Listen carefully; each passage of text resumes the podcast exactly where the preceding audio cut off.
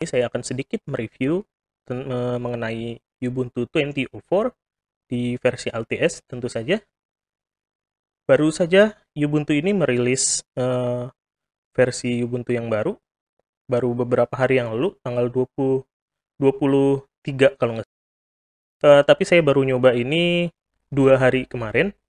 Saya coba di VirtualBox. Saya sudah install. Uh, yang sedikit mengagetkan memang terutama user interface-nya ketika kita nginstal Ubuntu-nya itu sendiri, lalu juga di sistem booting-nya, terus juga penampilannya agak berbeda kalau kita terbiasa pakai Ubuntu versi 18.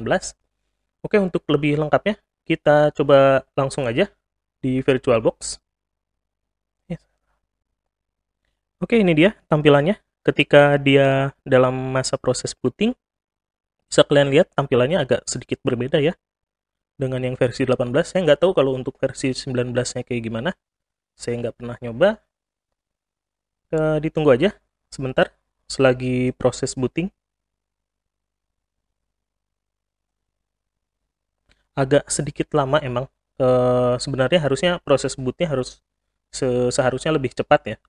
E, yang sedikit kerasa itu e, ketika saya install versi 18 di VirtualBox RAM 2 GB itu sudah cukup untuk uh, menjalankan Ubuntu ini.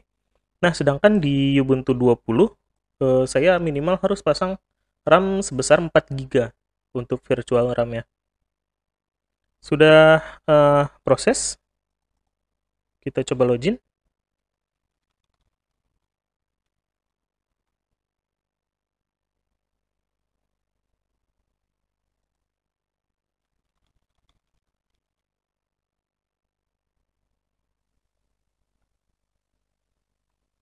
4 eh, GB nih uh, di VirtualBox ini uh, nggak smooth banget, masih ada sedikit agak patah-patah sedikit gitu. Jadi kalau dibilang agak berat, sebenarnya nggak juga sih. Kalau sebenarnya buat zaman sekarang kan kalau kalian bikin, uh, sorry bukan bikin, tapi uh, install uh, OS-nya langsung di PC, minimal pasti RAM di kita kan sudah 8 GB. Saya rasa itu udah smooth banget. Uh, sedangkan ini di VirtualBox saya cuman kasih setting RAM 4 GB minimal. Uh, dibandingkan dengan yang 18 uh, saya kasih setting 2 GB ini masih agak patah sih. Nah ini dia tampilannya. Kalau kalian lihat di backgroundnya dia ada gambar kucing fossa. Kalau kalian suka nonton film uh, Madagaskar itu ada kucing predator di sana ini namanya Fossa. Uh, tampilannya kayak gini. Uh, ketika langsung install, uh, oke, okay, uh, bagus banget emang. Uh, agak sedikit beda sih. Bedanya jauh sekali sebenarnya. Sama kalau dibandingkan dengan versi 18 yang sudah saya install uh, kemarin. Uh, kita lihat dulu uh, di bagian menunya di show application-nya masih uh, agak sedikit mirip lah. Uh, di sini saya udah install beberapa file aplikasi seperti CodeLight dan Visual Studio Code. Uh, kita coba dulu. Uh, di bagian settingnya mungkin ya.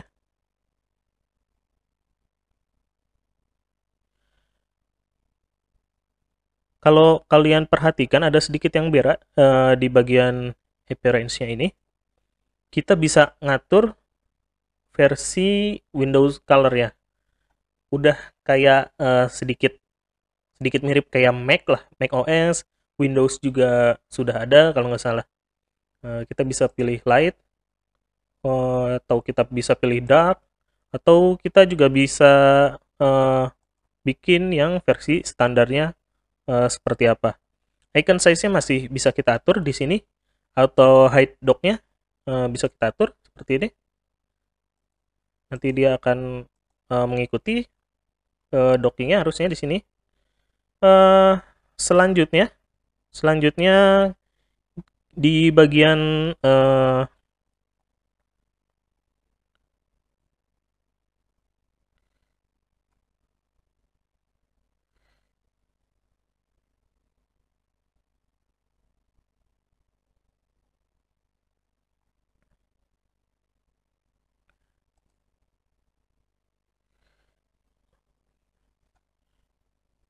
Di bagian display di sini uh, kita bisa sedikit atur uh, orientasinya mau landscape, portrait right atau di flip, dibalik.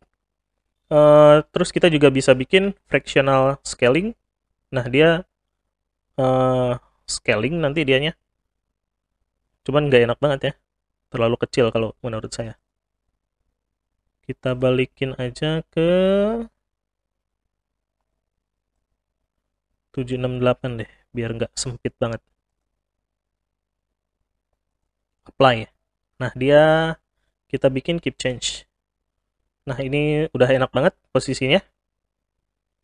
Uh, yang paling penting, kalau biasanya kita install Ubuntu itu biasanya dari versi terdahulu, di situ ada uh, Amazon Web Launcher. Di sini udah nggak ada di sininya. Bisa kalian lihat di bagian kiri itu udah nggak ada uh, yang namanya Amazon Application uh, yang sudah terinstall secara default. Uh, yang paling penting sih uh, ada beberapa uh, faktor dari Ubuntu. Dia bilangnya begitu.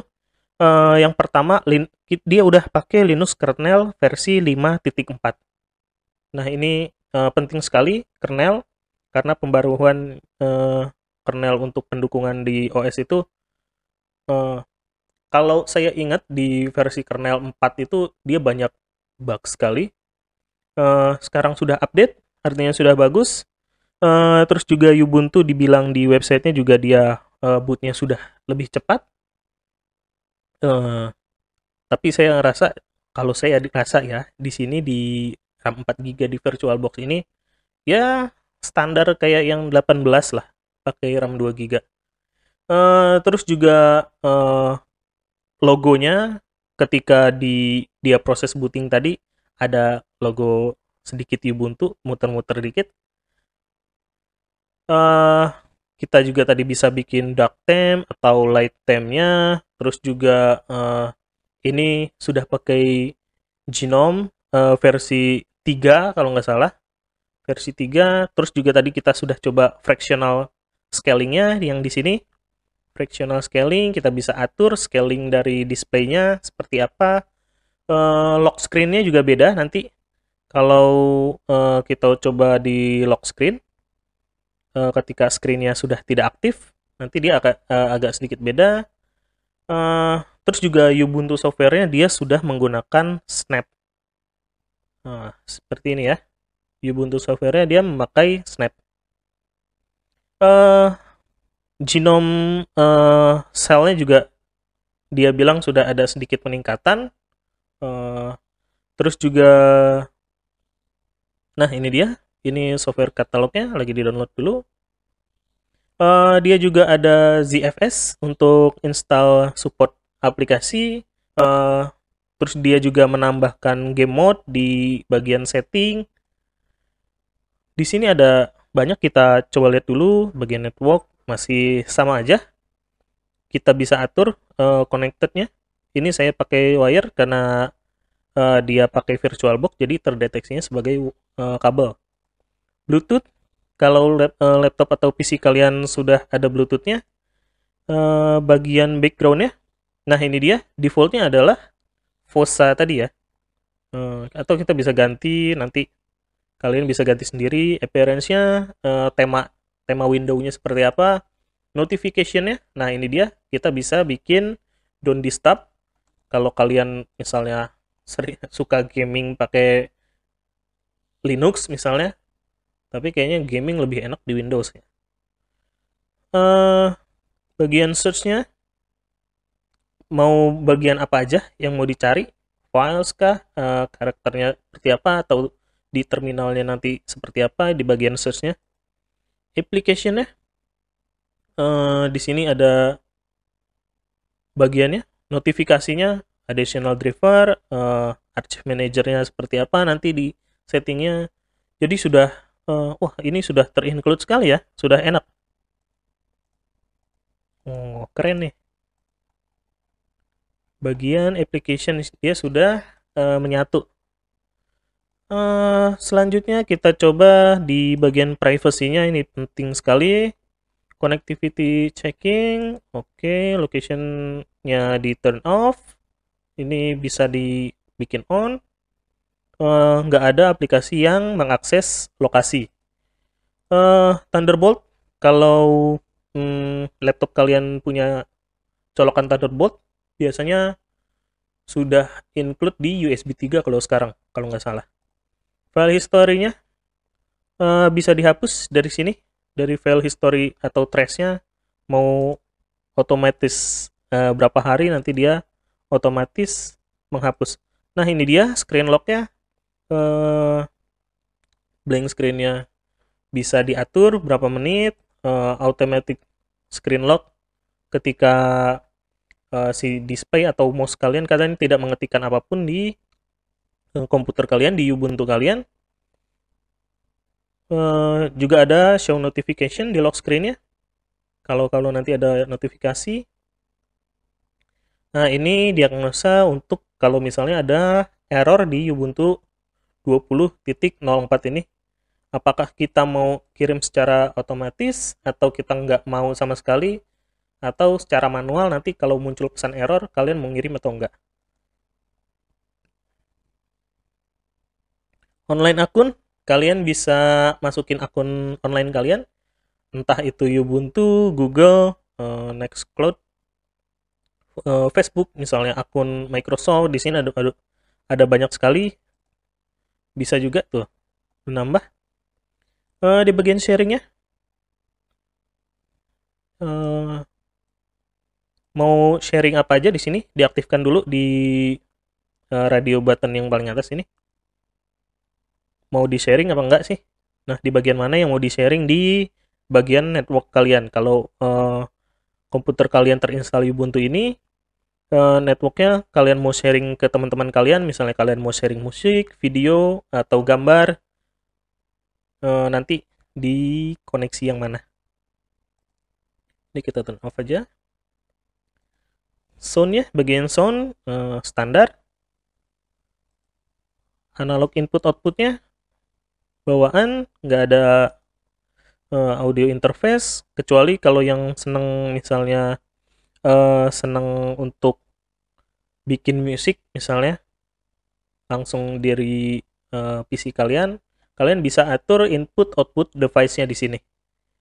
Mau inputnya misalnya dari audio interface kalian kah atau langsung uh, colok manual ke laptop, outputnya nanti seperti apa, entah itu ke speaker aktif atau speaker pasif, atau dari langsung speaker di laptop atau PC kalian misalnya. Powernya, uh, blank screen-nya bisa diatur 5 menit atau berapa. Uh, suspend, uh, suspend power button bisa juga diatur. Display tadi sudah dicoba mouse atau trackpad. Uh, primary buttonnya apa? Kalian ngeklik pakai tombol kiri atau kanan. Mouse speednya bisa diatur. Uh, natural scrollingnya juga di yang scroll mouse kalian keyboard shortcut uh, di sini bisa kalian bisa atur shortcut shortcutnya. Printer kalian misalnya mau uh, menambahkan hardware printer baru removable media ini uh, dijalankan otomatis yang mana dulu sih? Atau kalian masih misalnya pakai punya CD bisa auto uh, dijalankan misalnya seperti itu pakai aplikasi apa uh, colornya? Hmm, ini calibration karena nggak terlalu ini ya karena pakai virtual box. Regionnya? Nah ini bisa diatur. Language-nya bahasa utamanya pakai bahasa Inggris kah? Atau misalnya pakai bahasa yang lain? Kalau secara defaultnya sih Inggris versi eh, versi United States ya. Karena Inggris yang lain tuh agak sedikit beda uh, contohnya kalau di Inggris uh, eh, UK atau British atau Inggris mana? Inggris United Kingdom. Uh, seperti warna bahasa Inggris United States-nya color C O L O R. Sedangkan di UK C O L O U R. Ada sedikit beda pronunciation. Uh, di Inggris dia agak hmm, kal eh kalau Inggris Amerika dia jauh lebih simpel uh, penyederhanaan lah kalau di Inggris Amerika. Uh, input source-nya defaultnya Inggris. Kalau kalian orang Jep uh, suka kerja di Jepang atau Korea kalian bisa menambahkan inputnya pakai Hangul atau pakai misalnya katakana atau hiragana hiragana. Universal access uh, dia mau diaktifin gak nih universal accessnya di sini di di bar di atas ini? Kalian bisa atur langsung di sini. Jadi nggak usah nggak usah ini ya langsung nggak usah ke setting lagi. Cukup di sini. Ini di nonaktifin aja universal accessnya saya nggak perlu. Usernya untuk penambahan user seperti apa? Misalnya ganti fotonya seperti ini. Eh, ganti foto kalian misalnya yang kalian suka eh, ganti nama misalnya seperti itu. Ganti password. Uh, kalau ada yang punya fingerprintnya juga apa mau automatic login di sini bisa. Default application. Nah ini penting. Uh, webnya saya pakai Firefox ini bawaannya mailnya. Kalau kalian nanti misalnya uh, download Thunderbird atau aplikasi lain misalnya uh, Outlook Outlook ada di sini nggak sih Outlook kayaknya khusus buat Windows sama Mac deh. Mail biasanya pakai Thunderbird di sini deh, kalau nggak salah. Teks uh, kalendernya kok teks editor ya di sini aneh. Uh, musiknya misalnya mau pakai uh, VLC atau uh, KMP atau yang lain-lain, videonya juga mau pakai VLC atau KMP, fotonya pakai image viewer atau pakai ACDC misalnya Daytime-nya uh, bisa diatur secara otomatis atau kita bisa bikin secara manual. Uh, format hour-nya, format jamnya bisa dibikin AM PM. Di bagian about kita lihat uh, device name-nya ya device name kalian nanti sendiri. Uh, memorinya saya bikin 4 GB ini sebenarnya. Tapi dia terbaca 3,8 ya prosesornya oke okay, prosesor kalian grafiknya ini LLVM uh, eh, karena VirtualBox pakai 128 bit. Disk capacity itu tergantung dari PC kalian nanti sendiri. OS name-nya Ubuntu 20.04 LTS long term service. Uh, eh, OS type-nya 64 bit. Uh, sudah nggak ada 32 bit lagi ya. Uh, jadi di tahun 2020 ini hampir semua platform sudah 64 bit. Jadi kalau kalian masih punya laptop atau katakanlah PC yang masih 32 bit, saya saranin sih lem biru aja ya. Lempar beli baru. Tapi lagi masa corona gini agak susah juga ya. Windows sistemnya X11 tentu saja. Uh, ini platform bawaannya virtualizationnya pakai VirtualBox terdeteksinya sebagai Oracle. Uh, kalian bisa uh, dapat Ubuntu uh, 2004 ini di langsung di ubuntu.org. Kalian bisa download ISO-nya entah itu pakai direct HTTPS atau uh, bisa download dari torrent misalnya. Torrentnya tapi torrent versi aslinya ya. Uh, lalu kalian bisa install di PC kalian, kalian bisa bikin USB boot atau kalian bisa uh, install di VirtualBox kayak saya. Oke, sampai sini uh, review dan eksplorasi uh, Ubuntu 20.04 versi LTS-nya. Uh, segitu aja sih, yang penting tuh Linux kernel 5.4, terusnya uh, booting ya, proses bootingnya katanya jauh lebih cepat, terus juga proses instalasinya di graphic user interface-nya uh, agak berbeda. Uh, graphic user interface-nya juga tadi kalian sudah lihat ketika menjelajah di bagian settingnya uh, kita bisa atur window themes-nya seperti apa terus juga ada banyak sekali. Amazon Launcher-nya juga udah nggak ada. Uh, saya kira sampai segini dulu uh, proses eksplorasinya. Yang penting sih dia udah pakai 64 bit ya. Dan kayaknya kalian kalau mau langsung install di PC minimal 8 GB deh. VirtualBox 4 GB nih masih agak sedikit uh, lagi dikit. Sebenarnya lancar, sebenarnya lancar, cuman kalau menurut saya pribadi sih agak kurang. Uh, sampai sini aja dulu. proses review dan eksplorasi Ubuntu 20. Uh, sampai jumpa di video saya yang berikutnya.